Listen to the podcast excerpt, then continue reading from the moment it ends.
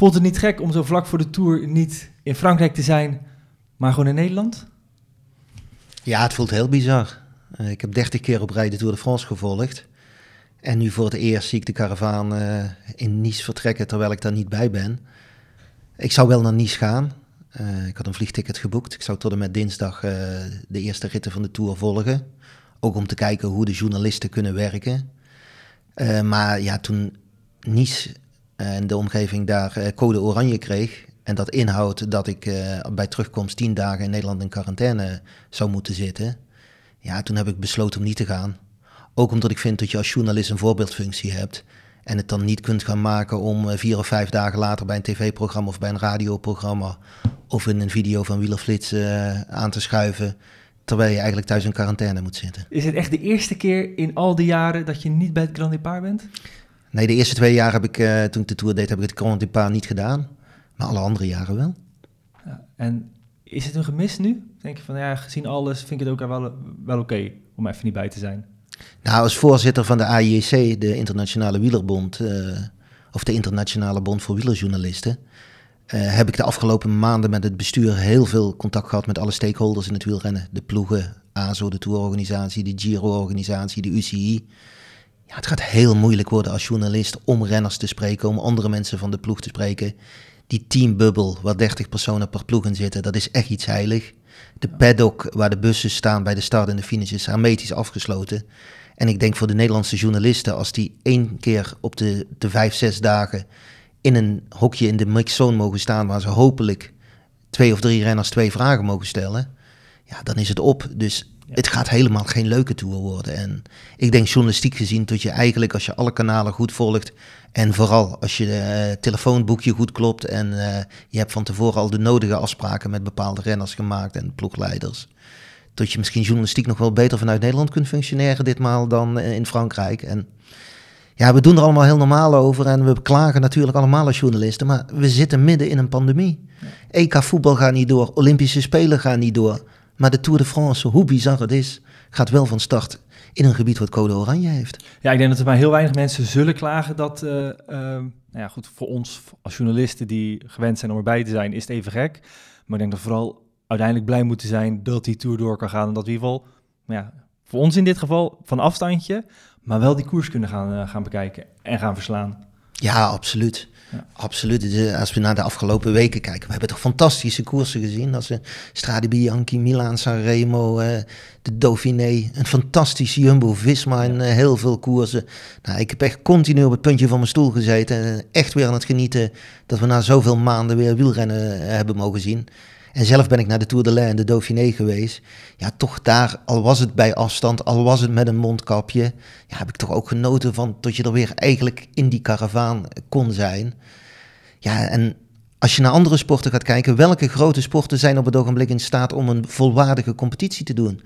Dan kijk ik naar voetbal, dan kijk ik naar tennis, dan kijk ik naar Formule 1. Maar dan houdt het ongeveer op. En wat dat betreft mag je de wielersport toch een compliment maken tot er gewoon een volwaardige uh, kalender de komende ja. weken staat. En dan is de wielersport eigenlijk misschien wel de lastigste sport van die drie uh, om te organiseren. Want dit gaat over de openbare weg en de rest is allemaal op afgesloten uh, circuits, stadions en, en, en, tennisvelden. Ja, daar heb je helemaal gelijk. In een openbare weg, daar kun je het publiek niet uh, 100% weghouden. In een stadion bepaal je precies wie naar binnen mag gaan. Dus ja, ik, ik, denk wel dat we toch een compliment mogen geven aan alle partijen in de wielersport die dit mogelijk hebben gemaakt. Alleen ja, de vraag is, hoe lang gaat dit nog goed? Hè? Want uh, we zien uh, de rode clusters in Frankrijk, die nemen met de dag toe. Ja, ik denk uh, tot ze bij ASO, tot, tot iedereen in, in de wielersport toch behoorlijk zenuwachtig van start gaat van hoe ver gaan we komen? En ja, prijs, om een term van Joop Zoetemelk te gebruiken, Parijs is nog nooit zo ver geweest. Ja, dat is mooi gezegd. Uh, je zult de stem wellicht uh, herkennen. En misschien heb je ook al het nieuws gelezen bij ons op de website. Tegenover mij zit onze nieuwe collega Raymond Kerkels. Ja, welkom bij Wielenflits. Ja, blij dat ik bij de club mag horen. Ja, we kennen elkaar natuurlijk al heel wat jaartjes. Uh, maar je hebt natuurlijk ook al wel een goed beeld gekregen van Wielenflits. Je bent nu een paar dagen, nou ja, in ieder geval voor de buitenwereld, officieel onderdeel van ons. Um, wat is je opgevallen eigenlijk over hoe wij werken? En nou ja, goed, had natuurlijk een bepaald beeld van ons. Klopt dat een beetje? Ja, dat klopt wel. Ik, ik heb uh, Wielerflits uh, heel goed gevolgd. Uh, ik heb altijd met bewondering, dat weet jij ook, uh, naar jullie gekeken hoe jullie vanaf nul zijn begonnen. Uh, ja, ik kan inmiddels ons zeggen. Maar... Ja. Nou, ik vind het wel leuk. Sommige mensen zeggen van, uh, dat ik van de, het oude wielrennen ben. Maar ik denk juist dat ik steeds een van de personen ben geweest die steeds heel veel nieuwe naar de journalistiek heeft gekeken. Altijd nieuwe dingen heeft geprobeerd. Ik kan bij de Telegraaf herinneren dat ik de eerste was die geluidstapes uh, uh, online heeft gezet. Ik ging naar de Ronde van Qatar en ik zat met een GoPro-videocamera al video's te maken voor online. Ja, en ik vind het mooie, wat ik nu bij Wielerflits ontdek, is dat je echt kunt ondernemen, echt uh, men durft te investeren in, uh, in vernieuwingen, in nieuwe zaken. Men kijkt vooruit, hoe kan men groeien? Ja, en dat was ik in de dagbladjournalistiek, zag je alleen maar krimp. Ja, wat dat betreft ben ik heel blij weer tot ik, tot ik naar een breed scala kan kijken. En ja, de wielerwereld staat voor zoveel uitdagingen. Nederland en België, de komende jaren de grote wielerlanden. Ga maar eens kijken hoeveel goede wielrenners er in Nederland zijn hoeveel jonge goede wielrenners in België, Remco Evenepoel, Wout van Aert, nou, die gaan echt een behoorlijk stempel drukken de komende jaren. Ja, en ook de fietsindustrie, uh, zeker in deze coronatijd, is aangetoond dat er meer fietsen dan ooit verkocht gaan worden. Ja, ik denk dat Wielerflits absoluut het platform gaat worden waar fietsend en wielerminnend uh, Nederland en België uh, op zoek naar gaat. Nou, laten we hopen dat dat gaat, dat dat gaat gebeuren. Ook natuurlijk wij staan journalistiek breed staat natuurlijk iedereen uh, voor enorme uitdagingen. Uh, ik denk dat het gewoon een hele spannende en vooral ook leuke tijd is om daar op deze manier in actief te kunnen zijn. Ja, absoluut. Uh, zoals ik al zei, ik heb 30 keer de Tour gedaan, maar het bruist nog altijd van mij. De energie om tussen de wielrenners te lopen, om te horen wat er speelt, om ten tactieken te doorgronden, om uh, uh, ja, ook, ook met het contact met die eh, jonge nieuwe renners, om te, te kijken wat er leeft. Ja, en dit is zeker ook een uitdagende tijd journalistiek, omdat ik het nog nooit in die 30 jaar heb meegemaakt, dat jonge renners zo snel in staat zijn om aan de top mee te doen. Dus ja, dit is een hele leuke tijd. Ja, een aantal reacties op Twitter die we laatst over jouw komst, werd al een, een mediarevolutie, werd het genoemd. Voelt het ook zo, een overstap? Goed, je, was al eventjes weg bij de Telegraaf, maar met een kleine tussenstap van de Telegraaf naar Wielenflits? Nee, ik denk dat de mediawereld zo rap aan het veranderen is dat oude, oude mediatitels niet meer uh, de positie hebben die ze vroeger hadden. En tot er juist de komende jaren nog heel veel veranderingen uh, in staan. Uh, had je me dit vijf jaar geleden gezegd, dan had ik je misschien ook voor gek verklaard. Maar dat is een compliment aan wat jullie hebben neergezet. En het is leuk om daar deel nu van uit te maken en hopelijk uh, verder te kunnen helpen tot het nog meer gaat groeien. Ja, vijf jaar geleden, nou, toen had ik al vaak toekomstgesprekken uh, met Martin, de andere oprichter van, van Wielenflits. ja, toen waren dit soort punten wel echt zaken waar we over nadachten van hey, dat zou toch prachtig zijn als het ooit zou gaan lukken. Maar dan spraken we wel over misschien een termijn van 10, 15 jaar. Um, en dan vooral als een soort van toekomst droom om, uh, om, om ervaren journalisten aan, aan Wielerflits te kunnen binden. Nou, dat lukte natuurlijk een tijdje geleden al met, uh, met Nico Dik. Mede dankzij hem een enorme groei kunnen doorgaan. Uh, voet aan de grond in, in België gekregen.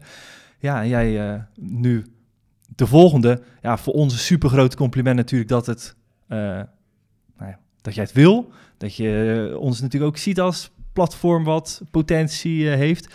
En voor ons ook gewoon belangrijk om een ja, een nieuwe slag te slaan, ook op het journalistieke front. Uh, ik bedoel, zoveel ervaring als jij en Nico bij elkaar. Ja, er zijn er niet veel uh, platforms en andere media die dat uh, ja, gecombineerd kunnen gaan, gaan inzetten. Um, en natuurlijk ook voor ons, ja, je bent een van de best ingevoerde journalisten. Ik bedoel, het is gewoon een feit. Dat kunnen we op ontzettend veel manieren van profiteren. En ook gewoon een nieuwe journalistieke genres gaan publiceren op Wielenflits. Hè. Wij doen er niet veel aan analyse, we doen er niet veel aan opinies.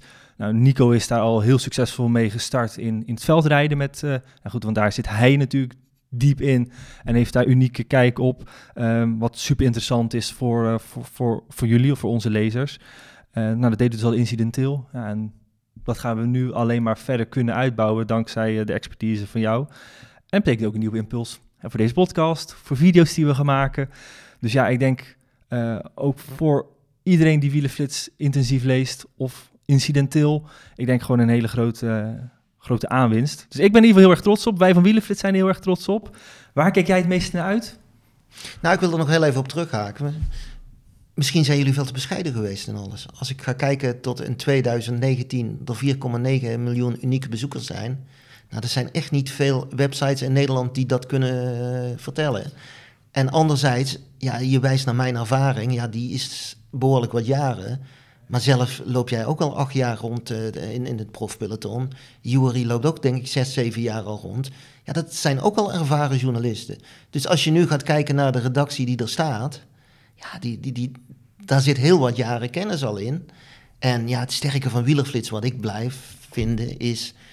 Ja, je opent de app of je opent de website en binnen 30 seconden heb je gescrolld naar beneden.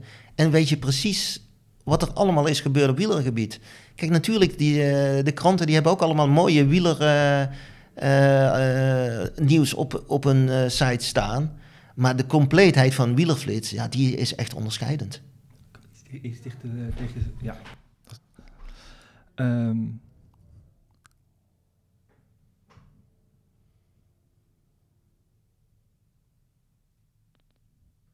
Ja, dat is denk ik een goede samenvatting van wat wij altijd hebben gezien als onze uh, belangrijkste punten. Zorg dat we eigenlijk volledig zijn, dat je in één blik uh, zowel weet wat er aan klein nieuws gebeurd is, maar ook die verdieping, hè, door onze voorbeschouwing, wat nog altijd onze best gelezen artikelen zijn.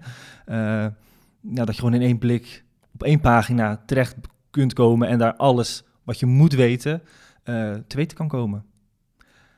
Maar goed, genoeg over onszelf uh, voor nu. al kwamen we deze week nog een keer, verraste eigenlijk onze bezoekers. De eerste keer was met jouw aankondiging bij Komst naar. De tweede keer, dat was ehm, ja, de aankondiging dat uh, we een uh, gelegenheidsanalist krijgen tijdens de Tour de France. Uh, Johan Bruineel die gaat tijdens de Tour een aantal opinies voor ons schrijven als de actualiteit daar naar vraagt. Um, en het leverde nogal wat reacties op. Nou, dat was um, niet verrassend.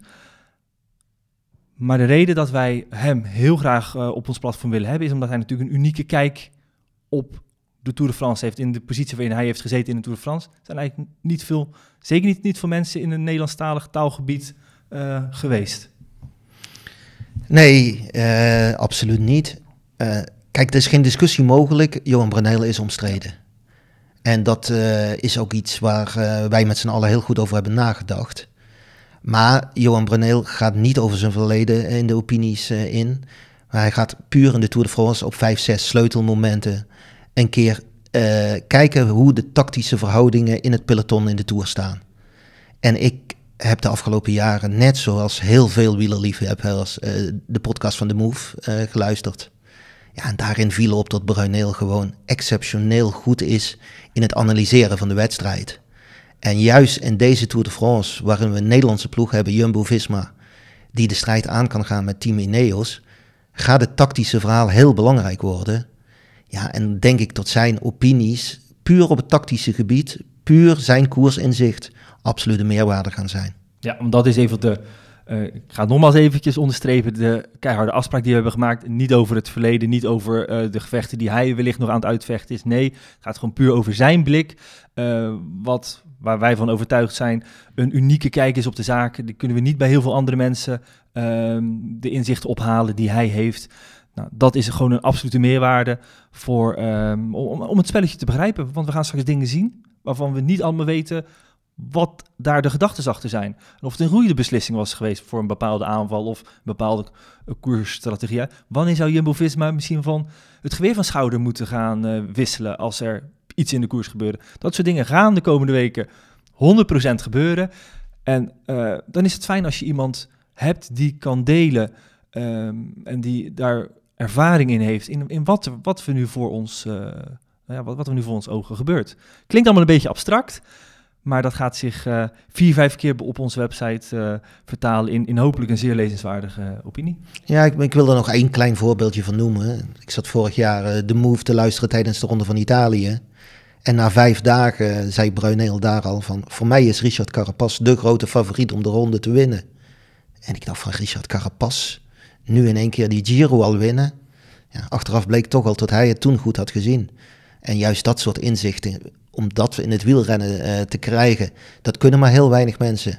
En dat vind ik in ieder geval fijn om te lezen. Ja, absoluut. En uh, ja, dat, in, in de reacties, om daar toch nog even op in te gaan, werd er natuurlijk uh, afgevraagd: jongens, waarom maken jullie deze stap? Hebben jullie er wel goed over nagedacht? Nou, dan kunnen we gerust van zeggen: ja, we wisten dat dit reacties gaat opleveren. Dat is ook helemaal niet erg. Uh, en ja, we hebben er goed over nagedacht. En het, het, gaat ook puur voor de tour. Dus daarna gaan we gewoon weer verder met de weg die we zijn ingeslagen. En in het, de toevoeging van opinies op deze website hoort ook in onze optiek geluid van buitenaf. En ja in dit geval is dat Johan Breunil. En dat zullen in de toekomst nog, als, ik hoop in ieder geval, een rijke waaier aan andere namen zijn die we aan die lijst gaan, gaan kunnen toevoegen. Dan gaan we nu over naar uh, eigenlijk de koers die op het punt staat te beginnen, de Tour de France.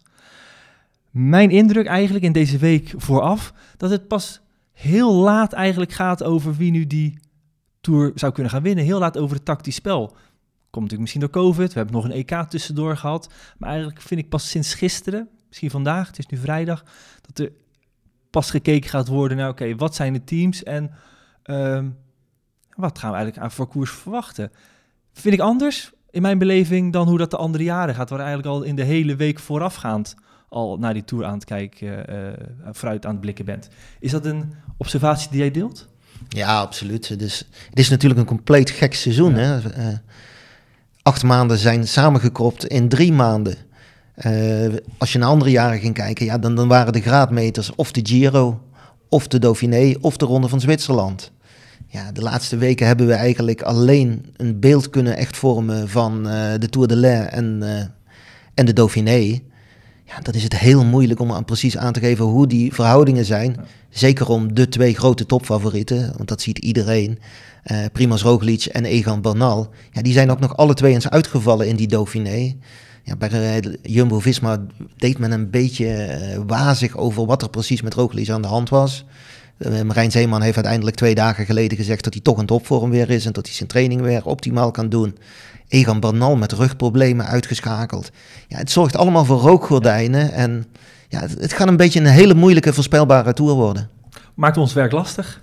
Want we hebben, weinig, we hebben weinig uh, punten waar we ons aan kunnen vasthouden om, om te kijken waar, uh, op basis waarvan je zou kunnen, kunnen beslissen wie, wie topfavorieten zijn. Ik, ik vermoed natuurlijk Bernal en, en uh, Roglic, dat staat buiten kijf, maar die top 10, daar gaan nog namen in komen waarvan gasten misschien ja, maar een paar koersdagen hebben gehad en onmogelijk te zeggen is, uh, of, of nu, nu al te voorspellen dat die top gaan zijn. Ja, maar leuk en dat maakt het juist leuk, precies. Schitterend, toch? Uh, ja. We gaan nu kijken naar, naar, een wedstrijd die misschien opener dan ooit is. Uh, we, de ideale voorbereiding die heeft niemand gehad. Uh, Bernal toch pas laat in Europa. Ja, die jongens van Jumbo-Visma, die hebben dan wel een maand en tien jaar gezeten... en vervolgens hebben ze twee rittenkoersen gereden. Maar ja, dat is toch heel anders wanneer je al een half seizoen hebt gereden. Ja, ik zag, normaal gesproken hebben ze zo'n 40 koersdagen vooraf... Uh, nu zijn dat er de helft, slechts 20 uh, gemiddeld. Nou, dat geeft maar weer aan ja, wat voor knotsgek wedstrijd we eigenlijk uh, eraan zit komen. Al is het natuurlijk anderzijds, de laatste jaren zien we wel steeds vaker dat renners na, na lange hoogtestages naar een grote ronde gaan. En dan eigenlijk ook nauwelijks koersen van tevoren hebben gereden. Dus wat dat betreft is, is er ook dat niet echt veel verandert. Ook nog een aspect waar ik nog niet heel veel over heb gehoord en waar ik wel heel nieuwsgierig naar ben, is ook het weer. Hè? Normaal gesproken zie je Tour in de hoogzomer, uh, hoge temperaturen, relatief weinig uh, regen. Ja, het is nu twee maanden later.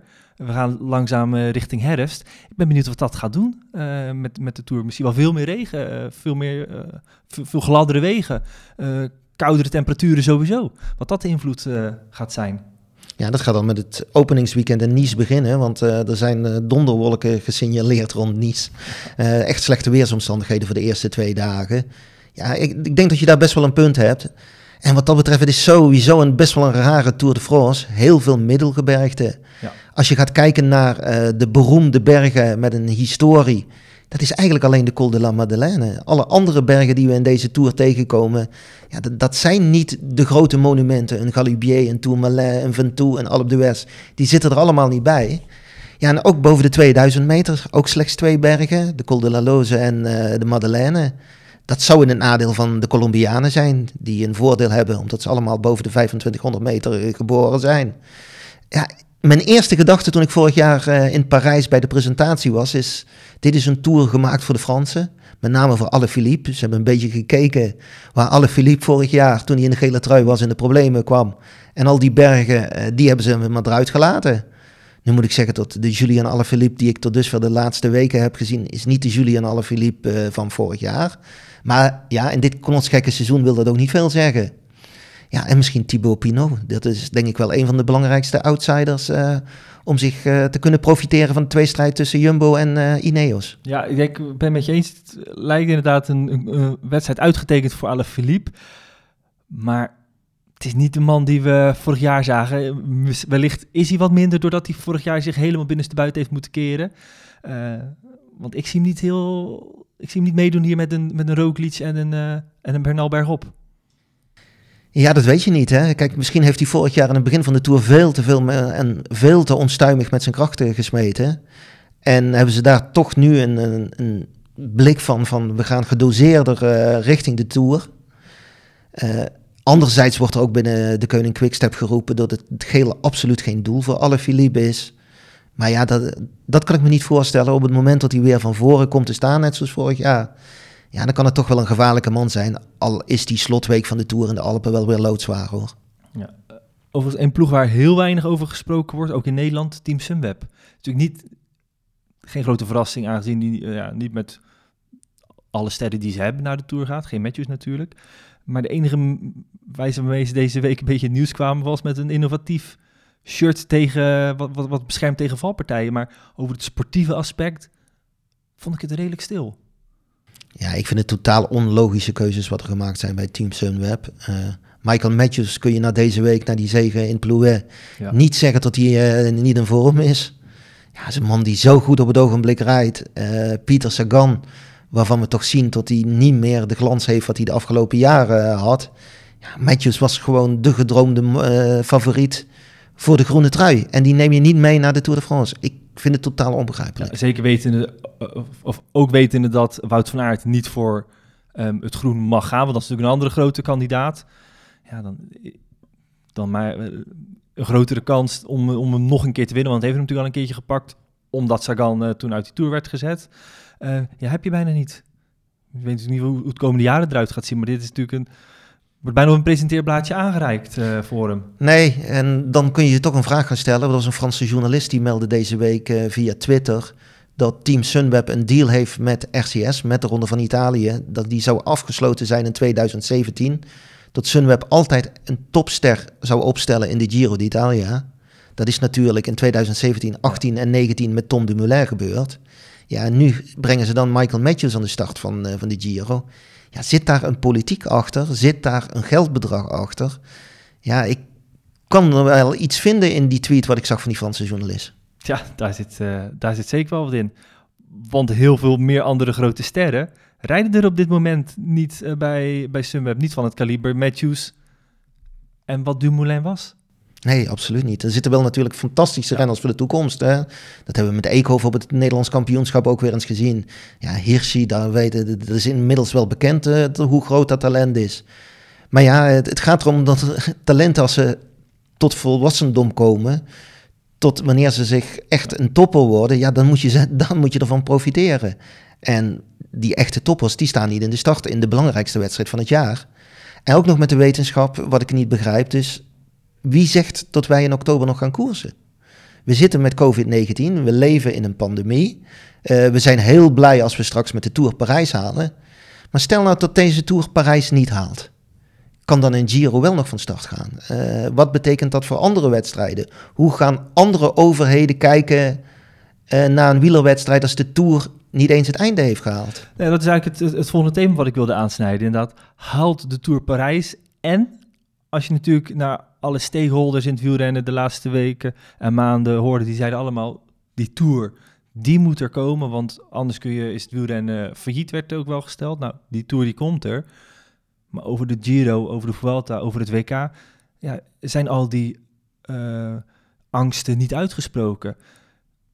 kan misschien zelfs wel zijn dat straks die Tour geweest is. Nou, het, het, het belangrijkste podium ehm, is in beeld geweest en alles wat de rest is bonus. En nou ja, het gaat niet goed met, uh, met COVID, dat gaat niet de goede kant op. Dat het straks allemaal als een pudding in elkaar valt. Ik hoop het niet, maar ik sluit het ook niet uit.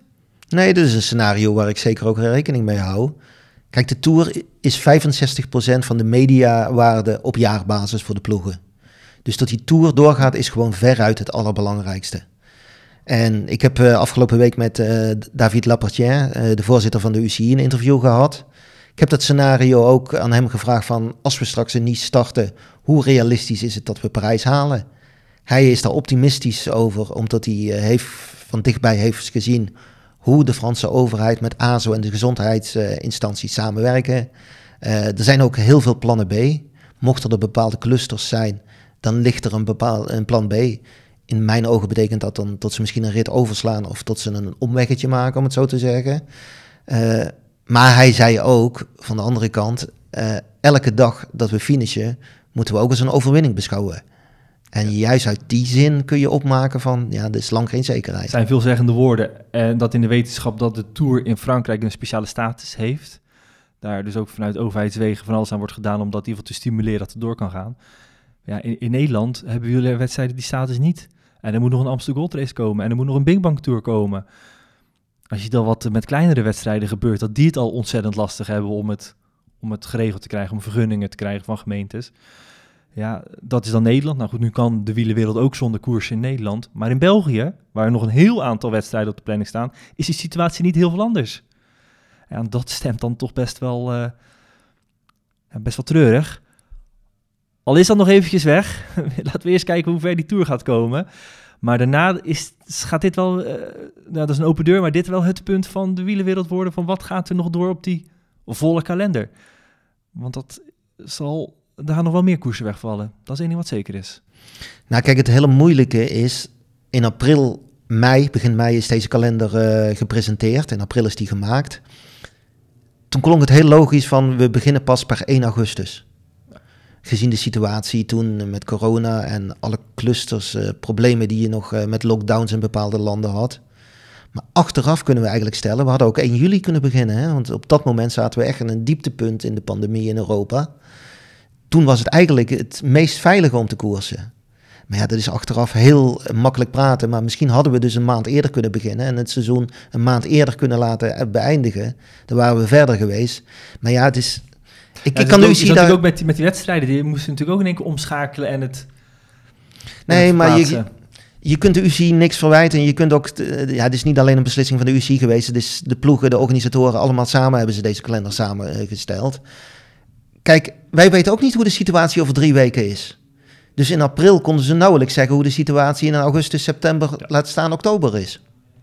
Nee, ja, begin mei, uh, april, mei, juni had ik überhaupt geen geloof in dat er een tour zou komen. Als je me toen had gevraagd, gaat er een tour komen, had ik denk ik gezegd nee. En uh, zoveel maanden verder is het gelukkig bij het, bij het foute eind en is die tour er wel. Maar ja, wie zegt dat hoe, dat hoe dat over twee, drie maanden gaat zijn? Uh, nou goed, drie maanden zou op zich goed zijn, want dan is het seizoen voorbij. Maar alles daarvoor, ja. Het WK nog onbekend, alles wat erna komt, het is één groot vraagteken. Het is, het is weer een beetje terug naar het dieptepunt van de crisis. Dag voor dag bekijken wat er gaat gebeuren. En lijkt me ook voor die renners uh, een enorm ingewikkeld uh, klus om dat mentaal uh, allemaal, allemaal, allemaal recht te hebben. Dat je ja, zoveel onzekerheden hebt terwijl jij je alles offert om je prestatie te kunnen leveren. Ja, nou heel simpel. Over vier, vijf weken zou het WK wielrennen in Martigny in Zwitserland plaatsvinden. Op een parcours voor de klimmers. Ja, nu wordt er zelfs nog gesproken over een, eh, een parcours over de Vanberg, over Toscane, over Bretagne. Dat zouden mogelijk nog WK's zijn. Maar of het WK zelfs gaat komen, dat is ook nog niet duidelijk. Dus zo onzeker is de wielersport eh, op het ogenblik. Ja. Laten we nog heel even terugkeren naar de Tour. Um, wat zijn jouw verwachtingen in heel grote lijnen? Zowel qua koersontwikkeling als, als, als alles wat daar rondom bij hoort zich gaat ontvouwen? Nou, kijk, iedereen gaat vooral kijken naar de twee strijd tussen Team Ineos en Jumbo-Visma. Dat zijn toch de twee ploegen die de strijd met elkaar aangaan, die de twee topfavorieten hebben. Maar die misschien ook wel de twee sterkste schaduwkopmannen hebben met Tom Dumoulin en Richard Carapaz. Ik ben vooral benieuwd hoe in die eerste week die twee ploegen naar elkaar gaan kijken. En ook hoe de andere ploegen het werk gaan laten opknappen door die twee ploegen. En ik denk dat zeker als ik een Thibaut Pinot was, als ik een Nairo Quintana was, als ik een van die andere uh, favorieten zou zijn die niet bij die ploegen zou zitten, ja, ik zou gaan kijken hoe kan ik profiteren van de rivaliteit die logischerwijs, logischerwijs gaat ontstaan tussen Jumbo-Visma en Team Ineos. En dat gaat tactisch echt heel veel meesterzetten gaan er gezet worden. Want als je eigenlijk de eerste twee weken van de Tour de France gaat bekijken, de Pyreneeën zijn echt niet zo zwaar. Uh, als ik dan de eerste week staan er eigenlijk al vier pittige ritten op het uh, schema. Ja, het is heel verraderlijk parcours. Dus het is een parcours wat heel uitdagend is voor tactische meesterzetten. En dat denk ik dat het interessant gaat worden om vooral op te letten om ritten van de start tot de finish te bekijken. Want het kan vaak tot in de eerste twee uren al heel cruciale zaken gaan beginnen. Ja, en dan, heb je het over uh, schaduwkopmannen die meespringen met, met, met, grote ontsnappingen. Dat soort, dat soort werk. Ja, ik denk voornamelijk, als ik dan weer aan Julian Alaphilippe denk... dat lijkt me typisch zo iemand die misschien vanwege zijn slechtere optredens van de afgelopen week... tot die wel meegaat in zo'n ontsnapping. En dat die op die manier in één keer toch vijf, zes minuten voor alle favorieten komt te staan. En wat dan? Ja. Dan gaan we weer naar een uh, ander scenario. Ja, en waar ik ook een nieuwsgierig naar ben, in Tour de Lens en in uh, Criterium Dauphiné schuwde zowel Ineos als uh, Jumbo-Visma het kopwerk niet. Daar hebben ze allemaal volle bak gereden, met name Jumbo-Visma. Uh, knapte daar ontzettend veel werk op. Gaan ze met diezelfde ingesteldheid nu die Tour in? denken van uit hun eigen kracht denken van, nou jongens, wij kunnen dit, we kunnen dit wel opknappen. Of gaan ze juist kijken naar Ineos van, doen jullie het maar. Of een andere ploeg die denkt van, nou, dit is onze kans om, uh, om te tonen wie we zijn. Lijkt me toch verstandig om in de eerste week zoveel mogelijk krachten te besparen. Kijk, de Tour de L'air was drie dagen. Ja, ook, de... ook in deze Tour waar iedere dag de laatste kan zijn? Nee, maar dat, ik ben het wel eens met Tom Dumoulin. Als je dus ervan uitgaat dat je deze Tour de France wil winnen moet je er gewoon van uitgaan dat het een ronde is van drie weken. Uh, dat die Tour gaat, gaat finishen of in Parijs of op La Planche de Belleville. Want uh, Parijs heb ik zelf nog, uh, plaats ik vraagtekens achter of, of dat wel haalbaar is. Maar je moet niet gaan koersen met het idee van morgen kan het afgelopen zijn. Want dan vergeet je juist, als het wel een normale Tour gaat worden, dat je die krachten goed moet verdelen. En natuurlijk het beeld wat we gezien hebben in de Tour de Lens en de Dauphiné, daarin was Jumbo-Visma heel, heel dominant. Maar dit, dit ga je niet drie weken volhouden. Hè? Dit waren rittenkoersen van drie dagen en vijf dagen. Ja, dat is iets totaal anders. En die eerste week... Je en moet een toch... sterke man bergop minder. Met Kruiswijk die vervangen wordt door uh, Jansen... die met name voor het, voor het, voor het vlakke, voor het heuvel... Uh... Ja, nee, de afwezigheid van uh, Steven Kruiswijk... dat is echt een enorme aderlating... Want behalve dat hij een van de sterkste bergop is, is het ook nog altijd een van de beste renners uh, in het peloton sowieso in de slotweek van een grote ronde. En juist in die slotweek, daar gaat het toch op aankomen. Hoe sterk is de ploeg daar nog? Als er meesterzetten van Ineos gaan komen, als er aanvallen gaan komen. Dan stelt dat Roglic daar de gele trui heeft, ja, daar moet je gaan verdedigen. En daar moet je als ploeg het sterkst zijn. Als je nu alles op een rijtje zet, ligt hier dan nu een unieke kans voor Jumbo-Visma om die Tour te winnen? Ja, ik denk het wel. Als je nu gaat kijken, je hebt inderdaad met Primoz Roglic de topfavoriet. Je hebt met Tom Dumoulin de perfecte schaduwkopman. Ja, en de ploeg in de breedte, die is echt enorm sterk. Dat hebben we de afgelopen weken gezien. Ja, je moet niet gaan denken van over één of twee jaar. Nee, als je goed bent, dan moet je pakken wat je kunt pakken. En nu ligt er echt de kans. Zeker ook met, als je naar de toekomst gaat kijken, hoeveel jonge renners eraan gaan komen. Dan kijken we natuurlijk allemaal naar Remco Evenepoel, uh, die wij een beetje een wielerwonder al zijn gaan noemen. Uh, maar ook een uh, Pogacar, die, die is ook 21 jaar. Dat is, het is ook nog een man waar we jaren, de komende jaren heel veel van kunnen verwachten. Bernal mogen we toch ook nog van uitgaan tot hij gaat groeien tot er nog een jonge renner is. Dus wat dat betreft voor Roglic en, en, en Dumoulin moet dit echt wel een unieke kans zijn. En ja, ga ervoor. Maar met die instelling gaan ze ook wel van start. En die gedachte die leeft ook enorm in de ploeg. Dat is me duidelijk geworden in de Tour de l'Ain en de Dauphiné. Van, er is maar één doel waarvoor ze naar de Tour gaan. En dat is die gele trui in Parijs brengen. En dat vind ik een fantastische insteek. En dat vind ik ook weer eens eindelijk die echte topsportmentaliteit die bij een Nederlandse ploeg ook hoort. De Tour is nooit saai. Maar dit jaar zijn er zo ontzettend veel nieuwshaakjes die de Tour extra uh, bijzonder maakt. En zeker uit de jaren van Armstrong, waarvan je wist Armstrong gaat winnen. Ja, dat gaat dit jaar echt niet uh, het scenario zijn, want alles ligt volgens mij open. Ja, of Roglic pakt al heel snel de gele trui en Jumbo-Visma is zo dominant dat ze zo heersend gaan rijden. Maar ja, dan gaan wij ook allemaal op die gele wolk mee. Hè? Mooie om mee af te sluiten. Raymond, dankjewel. Um, ja, laten we het hopen dat het voor iedereen, voor alle Nederlandse volgers en verder buiten een hele mooie tour gaat worden. Dankjewel.